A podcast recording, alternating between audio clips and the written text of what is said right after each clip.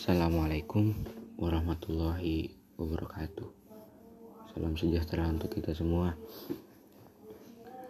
Teman-teman sekalian, pasti kita akan merasa sedih ketika kita kehilangan teman terdekat kita.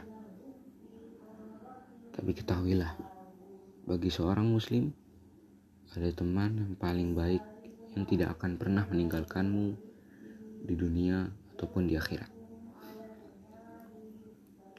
Coba perhatikan teman yang paling baik ini.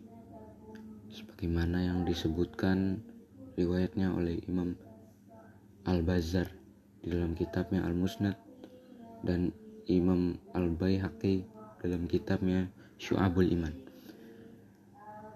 Dari hadis Abu Hurairah radhiyallahu an Rasulullah shallallahu alaihi wasallam bersabda,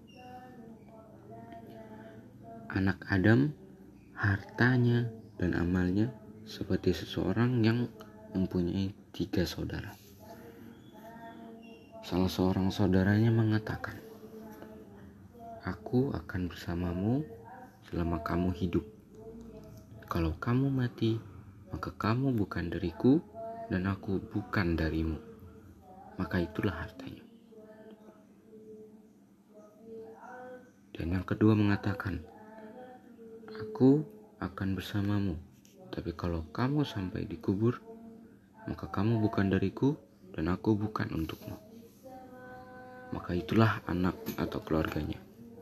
Itulah keluarga yang kamu sayangi, yang kamu cintai, yang kamu senantiasa rindukan untuk berkumpul dengannya.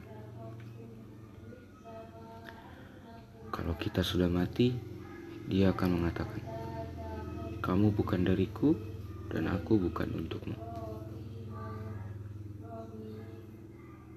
Yang ketiga berkata, Aku akan bersamamu selama kamu mati dan hidup.